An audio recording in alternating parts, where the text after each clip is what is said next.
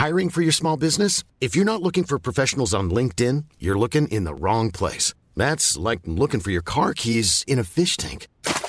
LinkedIn helps you hire professionals you can't find anywhere else, even those who aren't actively searching for a new job but might be open to the perfect role. In a given month, over 70% of LinkedIn users don't even visit other leading job sites. So start looking in the right place. With LinkedIn, you can hire professionals like a professional. Post your free job on linkedin.com slash people today.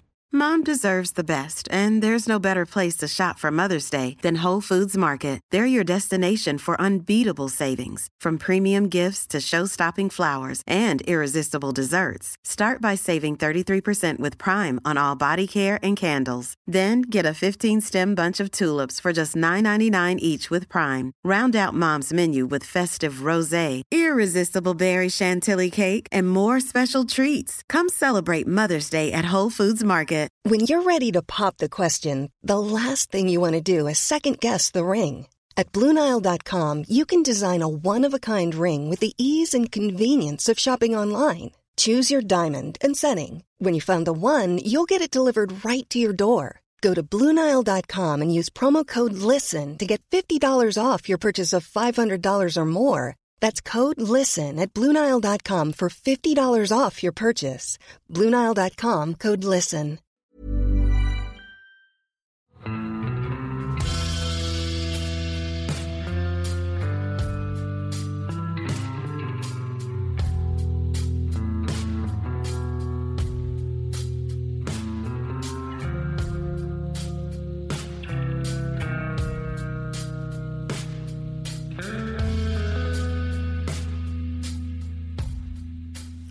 Og velkommen til podkasten Uteliv. Vi har nå kommet til enden av fjerde sesong, og det her er faktisk den 69. episoden av podkasten Uteliv. Det har vært en eh, god sesong, og det er flere ting som gjør at jeg nå ser konturene at det her med å lage podkast er noe jeg kommer til å fortsette med ei stund. For det første så har det vært veldig gledelig at så mange har ønska å støtte uteliv via den frivillige abonnementstjenesten Patrion.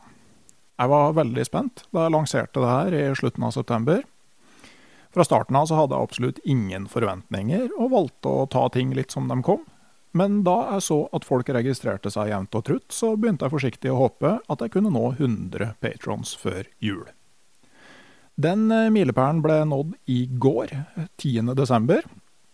Og inntektene fra Patrion dekker nå utgiftene jeg har til podkastproduksjon, og tillater litt nyinvesteringer i utstyr utover vinteren.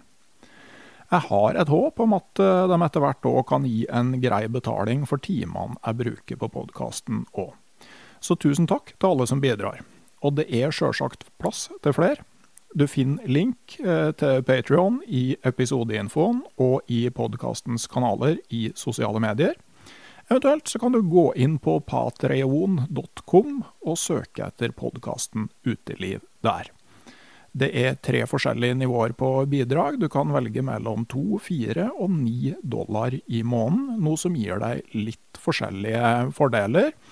Eh, i form av eh, fordypningsstoff til episoder, ekstra artikler og mulighet til å være med og påvirke spørsmål og temaer for episodene. Det var òg eh, artig da jeg endelig kunne bli med på Podtoppen, en oversikt over norske podkaster. En slags toppliste ut fra lyttertall, og da få lyttertall som kunne sammenlignes med resten av Podkast Norge. Jeg gikk inn på en plassering rundt nummer 100, noe jeg syns er bra foreløpig. Eh, men jeg kan gjerne klatre litt her òg, og den hjelpen dere gir med deling i sosiale medier og annen promotering, den er veldig verdifull sånn sett. Nå vil jeg bare skyte inn at det er ikke noe mål i seg sjøl for meg å ha flest mulig lyttere for enhver pris. Jeg lager akkurat den podkasten jeg ønsker å lage. Men så håper jeg òg sjølsagt å nå ut til så mange som mulig av dem som er interessert i å høre på det.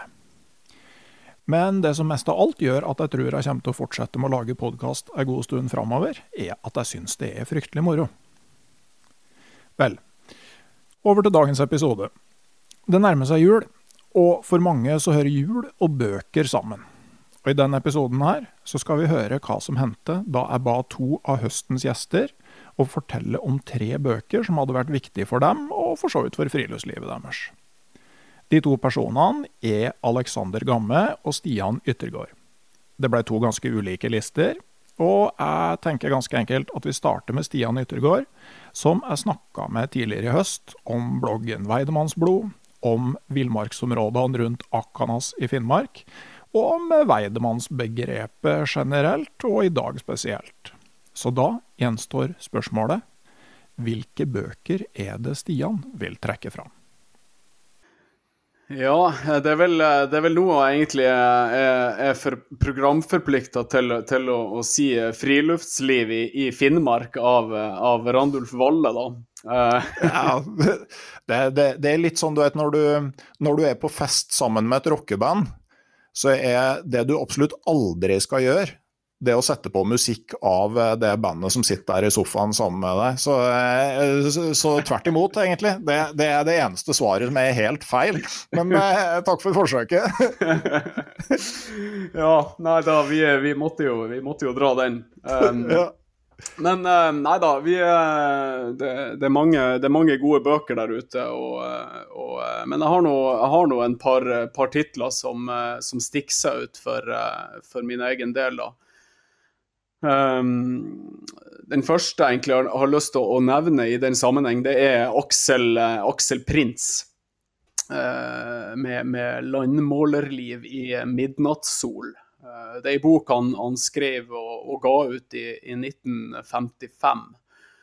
Uh, han, han, var jo eh, en landmåler da, av, av, den gamle skolen. dem som, som egenhendig måtte ut i feltet til fots med hjelpere og kløvdyr, gjerne ute i, i naturen. og, og og i de mest avsidesliggende områdene som de skulle kartlegge. Da. Og han, han prins her, da, han var jo bl.a. med på å kartlegge store deler av, av Finnmarksvidda. Da snakker vi jo bl.a. Om, om områder som f.eks. Akkanas og, og Laksefjordvidda. da. Uh, og I denne boka så, så skildrer han jo strabasene og naturopplevelsene fra, fra de her ødemarkene som, som den gangen uh, bare reindriftssamene uh, benytta. Og, og, og, denne boka forteller også en del om samene på den tida, og, og også den store respekten som han, eh, han hadde for dem. da. Eh, Han hadde jo bl.a. samiske medhjelpere som han var helt avhengig av, bl.a. En, eh, en ung kar som, som bar navnet Per Gaino. da. Så ja, det er en flott bok, og ja Jeg har, jeg har to til òg. Ja, bare, bare fyr løs. Kan bare nevne at uh, det, med, altså det er jo litt morsomt når du ferdes inn i indre strøk av Finnmark, så går jo grensa til Sverige går jo langs vannskillet mellom uh, Østersjøen og Nordishavet. sånn at når du ligger ved Karasjokkas kilder, så er det sånn at en vanndråpe som ramler ned akkurat på riktig side, den havner da ned Tanavassdraget og ut i ishavet, men den vanndråpen som uh, lander liksom fem meter lenger sør, den forsvinner inn i Finland og ender opp i, i Østersjøen. Og, og, egentlig, sånn som jeg har forstått det, sånn historisk så var Kautokeino egentlig regna som ei svensk bygd. Men fordi at de ble enige om å dele langs vannskillet, så havna da Kautokeino plutselig langt inn i Norge. Artig eh, fun fact. Bok nummer to, Stian? Ja. Eh, Tor Alvim. Uh, han skrev uh, ei bok i 1985 som Får jeg gjette? ja. For da, nå er vi på en måte på kategori veldig vanskelig på turlitteratur. Det kom en vind over vidda. Ja, det er ti poeng, det. Ja. Det er sterkt. Det. Det finnes tydeligvis flere av oss.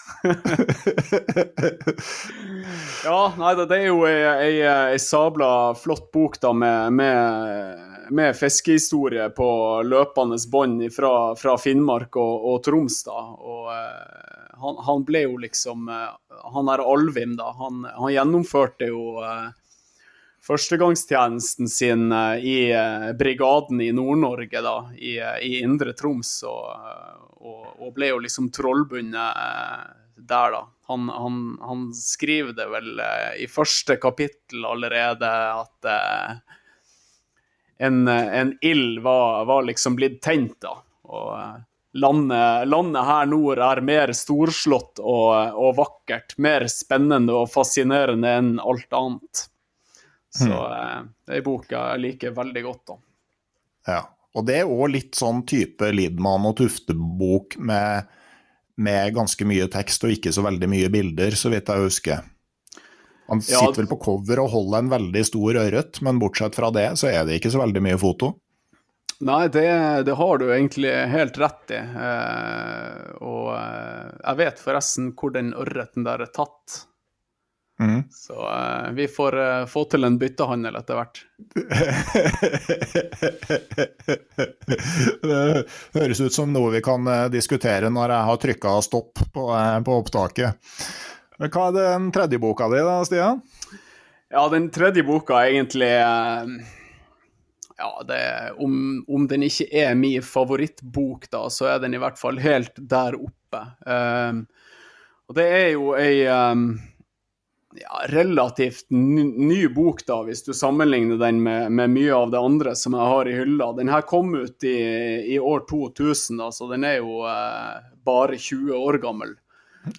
Eh, skrevet av eh, en kar eh, eh, som kommer ifra, fra Rundhaugen her i Indre Troms, eh, bare 20 minutter ifra her jeg sitter akkurat nå. Han heter Willy Roger Simonsen, og han han ga ut da denne boka som heter Midt nord.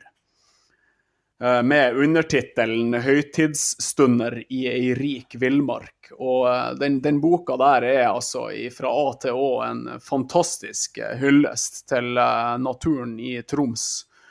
Og da spesielt Indre Troms, hvor, hvor han, hvor han han forteller historier om rypejakt og, og elgjakt og ulike former for, for fiske, da, blant annet det her eh, isfisket etter de her storrøyene oppi, oppi fjellene. da. Og eh, på en utrolig fin måte får han liksom frem hvor, hvor sterk den, den, gamle veidemannskulturen er her i, i Indre Troms, da, med aktiv høsting av uh, de naturressursene som man har til rådighet. Hmm. Det høres bra ut. Et tips nå til dags er jo det at Nasjonalbiblioteket på nett, nb.no, der ligger det veldig mange bøker i fulltekst. Altså Du må være på nett for å lese dem, du kan ikke laste dem ned, men du kan gå på nett og lese veldig mye av eh, gamle, veldig gode bøker. Og så kan man jo heller ta turen inn på et antikvariat hvis det er noe av det man liker såpass godt at man har lyst til å ha det som en eh, fysisk bok. Men eh, tusen takk til deg, Stian Yttergård, for eh, tre eller to veldig gamle og en ikke riktig så gammel eh, turbok. Nestemann ut eh, på lista er Alexander Gamme. Og um, hva er det av bøker som har vært viktig på en måte i en sånn tur- og eventyrssetting for deg, Alexander? Jeg er veldig glad i å lese, så det her er, det her er, det er alltid vanskelig å rangere ting. Men um, jeg må Det er vanskelig å komme utenom. Uh, og Eh, boka på topp, det er jo Stein P. Aasheims 'Eventyrlige reiser'. Eh, han har jo flere av de bøkene. En som er mer sånn norskbasert, men den der klassiske eh, hovedboka hans Jeg tror den heter bare 'Eventyrlige reiser'. Husker faktisk ikke helt. Men, men den, den, den er the holy grail, tenker jeg, for sånn artig inspirasjon som traff meg veldig mye, altså. Kan du si noe om hva det var som var spesielt, som gjorde at den traff deg? Jeg tenker det er eh, Jeg elsker formidlingsformen til Stein. Altså, han er flink til å ta ganske heftige, drøye, rå prosjekter og turer inn og fortelle med glimt i øyet. I stedet for den derre Å, nå holdt jeg på å dø. Og nå holdt jeg på å dø igjen. Altså, det er, det er en, det er en, det er en forunderlig og humoristisk, oppmuntrende fortellerstil som, som smitter med å, med å, få deg til å smile og, og, og, og, drømme deg til å være på en tilsvarende tur, i stedet for å liksom prøve å gjøre det så ekstremt som mulig. Så skjønner du jo at det er ganske heftig, en del av det. Så det, det er Det syns jeg er veldig bra og inspirerende, og den traff meg. Eh, Husker du når du leste den første gang? Du, ja, det gjør jeg. Fordi det, det her eh, er jo ikke Jeg leste jo ikke den når den kom ut. Da var jeg jo ikke i denne verden i det hele tatt. Men, jo, jeg var, jeg var i verden, men jeg var ikke sånn turmann. Men det var broren min som hadde den hylla. Så det er, eh, var sånn mer eller mindre tilfeldig av nysgjerrighet at jeg liksom skrina hylla hans og dro ut mye rart. Og en av de bøkene, det var Stein P. Aasheim. Så det var mitt første. Jeg hadde aldri hørt om fyren. Eh, aldri noe annet enn den boka. Og det tok veldig lang tid før det der hadde grodd eh, godt nok til at vi til at, vi, til at, til at jeg begynte å dra på tur sjøl. Men jeg må, jeg må bli nødt til å legge den som nummer én. Og vet du hva jeg har som nummer to? Nei. en annen, når, når jeg liksom skal dra ting som betydde noe for meg når jeg var enda yngre, så er det faktisk sånn gamle Carl Barks klassiker. Altså. altså det er vi prater Donald, og en av de mest markante Eh, Donald-historiene som jeg husker Det er mange av de som er fantastiske. Og det, det er ordentlig sånn eh, Det vekker opp eventyrgenet. Men husker du eh, Donald, Donald Duck og firkant Uh, Mysteriet om firkanteggene? Eller firkantmysteriet? Nei. Et eller annet sånt. noe sånt. Ja, jeg noe husker der. det var en sånn der skjult dal inni et krater eller noe sånt, hvor det, bodde, hvor, hvor det var forbudt med runde ting. Det var forbudt med runde ting, og, og, Jeg husker ikke hele, men det var et eller annet sånn en, en, og I den norske oversettelsen så ble den her kjempeomdiskutert en eller annen gang på 60-tallet, tror jeg. For det, det, var noen oversettelser her hvor eh, han, en professor fra Voss eh, prata dialektmål, og det var en sang inne i bildet her, og det ble skikkelig kontroversielt, uh, hele den historien. Så den, den, er, den, er, veldig kjent. Ja, fra gammelt av. Var, var, det rett og slett sånn altså, på en måte latterliggjøring av folk fra Voss, eller? Jeg tror det. Jeg, tror, jeg husker ikke helt flott her, men jeg veit at Jeg tror det var noe med at uh, oversetterne hadde brukt en eller annen form for sånn Vossa-dialekt, så det ble noe styr uh, rundt det. Men historien i seg sjøl er genial. Og det handler jo om liksom mystikken å dra i Peru eller Amazonas eller opp i Andesfjellene, der hvor de er, og bli fanga. Og så er det Ole Dole Doffen som må blåse firkantbobler med tyggegummiet si for, å, for at de skal klare å slippe fri, eller noe sånt. Jeg husker ikke helt hvordan det gikk, men jeg husker at det er firkanteggmysteriet. Den, den, den, den er helt rå. Så... Ja, og så slutta det vel med at de, de skulle komme tilbake med en sånn høne som kunne legge firkanta egg. Okay, og så var det direktesendt TV-show eller noe sånt, når de hadde fått tak i den der eh, okay. som skulle verpe på direkten. Ja, og så viste at, de en, visste at de hadde fått med en hanekylling. Så de, oh. de sto der og sa kykkeliky. Så uh, fikk de ikke bevist ja, noen ting må jeg opp på loftet og finne gamle disse, Jeg husker disse svære Donald-bøkene. De som var sånn herre eh, Ikke gikk inn i noen oh, ja, hyller. Ja. De, de, det A3-format omtrent. Det, det elska jo jeg. Det var jo liksom det jeg ønska meg til jul hvert år. Og jeg fikk jo kanskje en eller to sånne hvert i hver jul. Altså jeg har en del av de liggende på loftet. Jeg tror det er der firkantegg-historien ligger.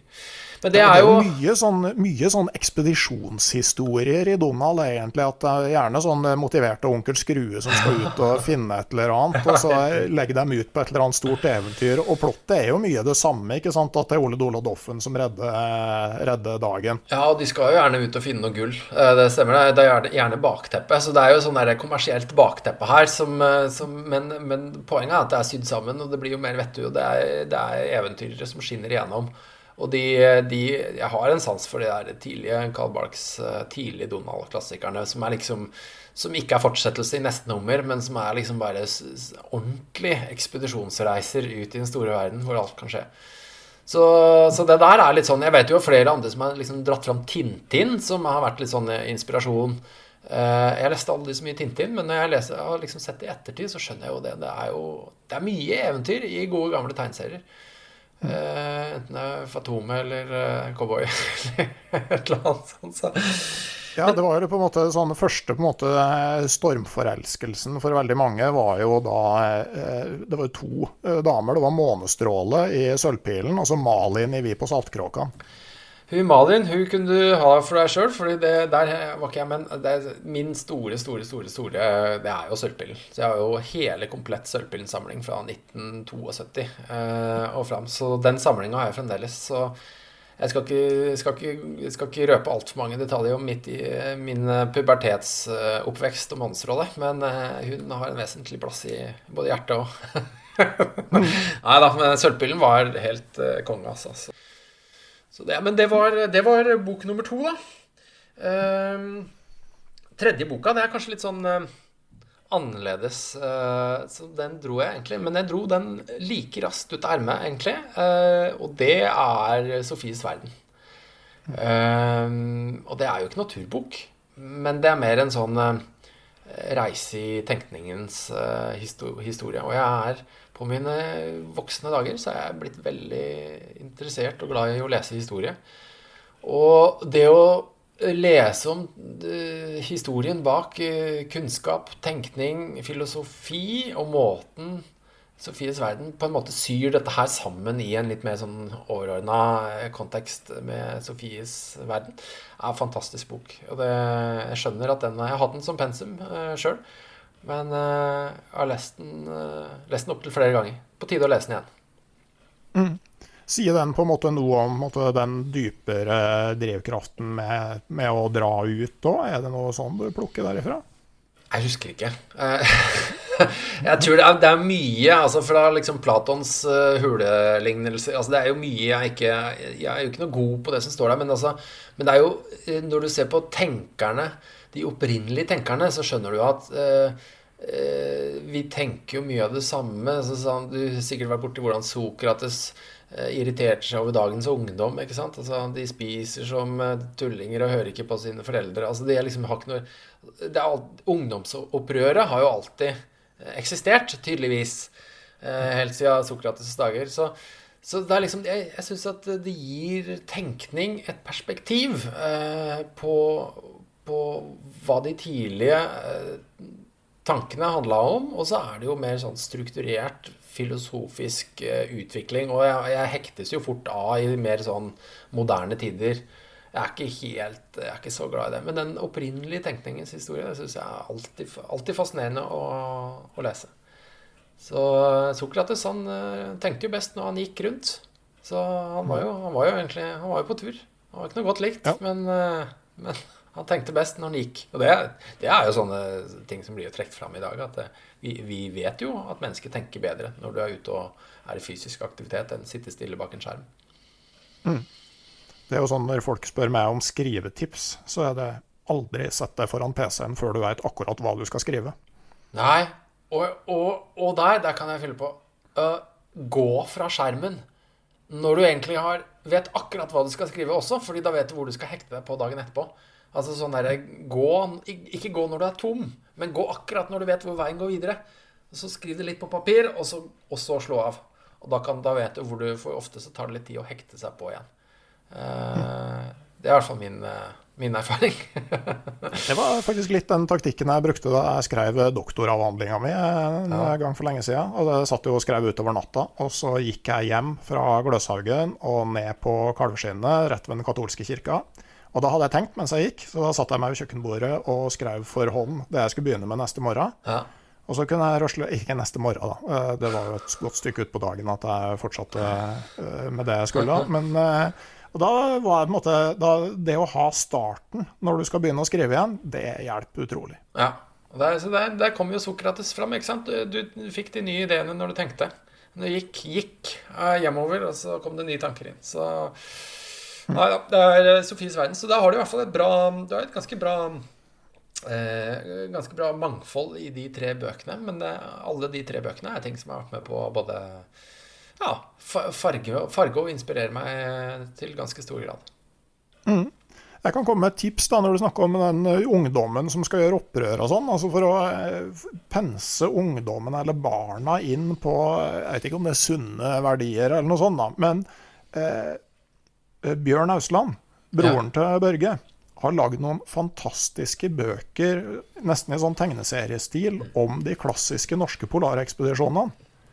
hvis du er onkel, tante, grandtante, oldemor eller noe sånt til noen mer eller mindre håpefulle unge, fantastisk julegaveidé. Han klarer liksom sånn drama med Scott til eh, og Amundsen til Sørpolen og, og sånne ting. Det klarer han å lage i, i tegneserieformat på en veldig sånn lesbar måte, som i hvert fall for mange unger vil fenge.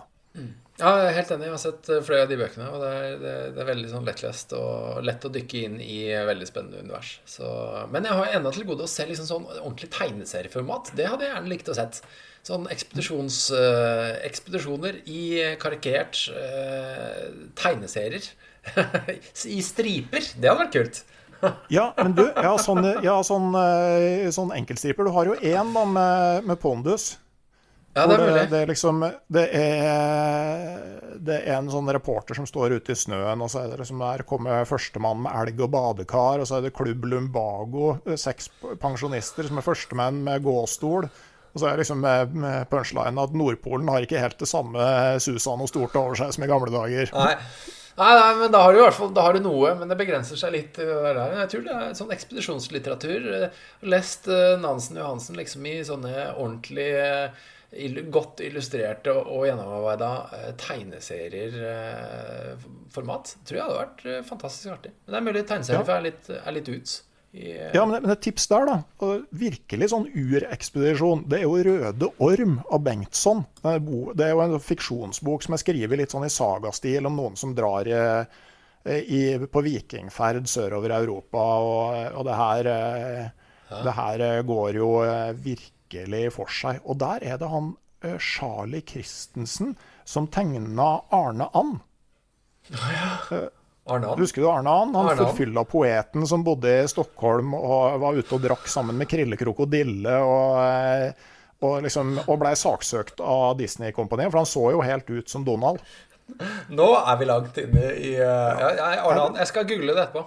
Arne, Arnan. Ja. Det trenger du ikke å lese for barna dine. Ah, riktig okay, okay. Det, er, det er greit. Det, men, eh, men, i hvert fall Charlie Christensen, som har tegna han har også uh, lagd eh, tegneserie av Bengtssons Røde orm. Og det er virkelig et episk, episk eventyr, da. Ja, men greit. Jeg noterer. Mm. Jeg må jo ha litt mer inspirasjon, vet du. Det er fra andre man eh, det er fra andre mann får de gode tipsa. Kan ikke bare lese det man ser for seg, og velge sjøl. Mm. Nei, men Tusen takk for boktipsa dine, Aleksander. Eh, bare hyggelig. Tusen hjertelig. Da håper jeg dere har fått noen tips til aktuelt lesestoff i tida framover mot jul. Jeg tillater meg å, minne om at det går an å kjøpe mine bøker fra nettbutikken på www.podkastenuteliv.no. Akkurat nå får du med en snerten liten foldekniv sammen med bøkene 'Hvorfor er det så kaldt å være våt?' og 'Friluftsliv i Finnmark'. Kanskje er det en gaveidé til en turkompis. Men det lønner seg å være litt kjapp, for tida går fort fram mot jul. Helt til slutt så vil jeg igjen eh, takke for følget gjennom høstsesongen. Podkasten Uteliv er tilbake med ukentlige episoder utpå nyåret, sannsynligvis i månedsskiftet januar-februar. Jeg har begynt planlegginga av vårsesongen, og har mange interessante temaer og gjester i tankene. Så inntil vi er tilbake, så får dere rett og slett ha en god jul og ha gode turer. Ha det bra!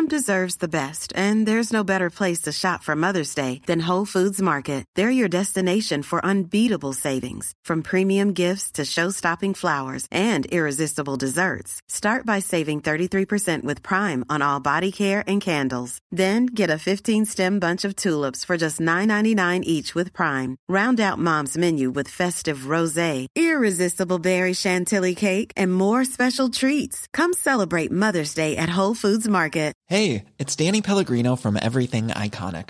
Ready to upgrade your style game without blowing your budget? Check out Quince. They've got all the good stuff shirts and polos, activewear, and fine leather goods, all at 50 to 80% less than other high end brands.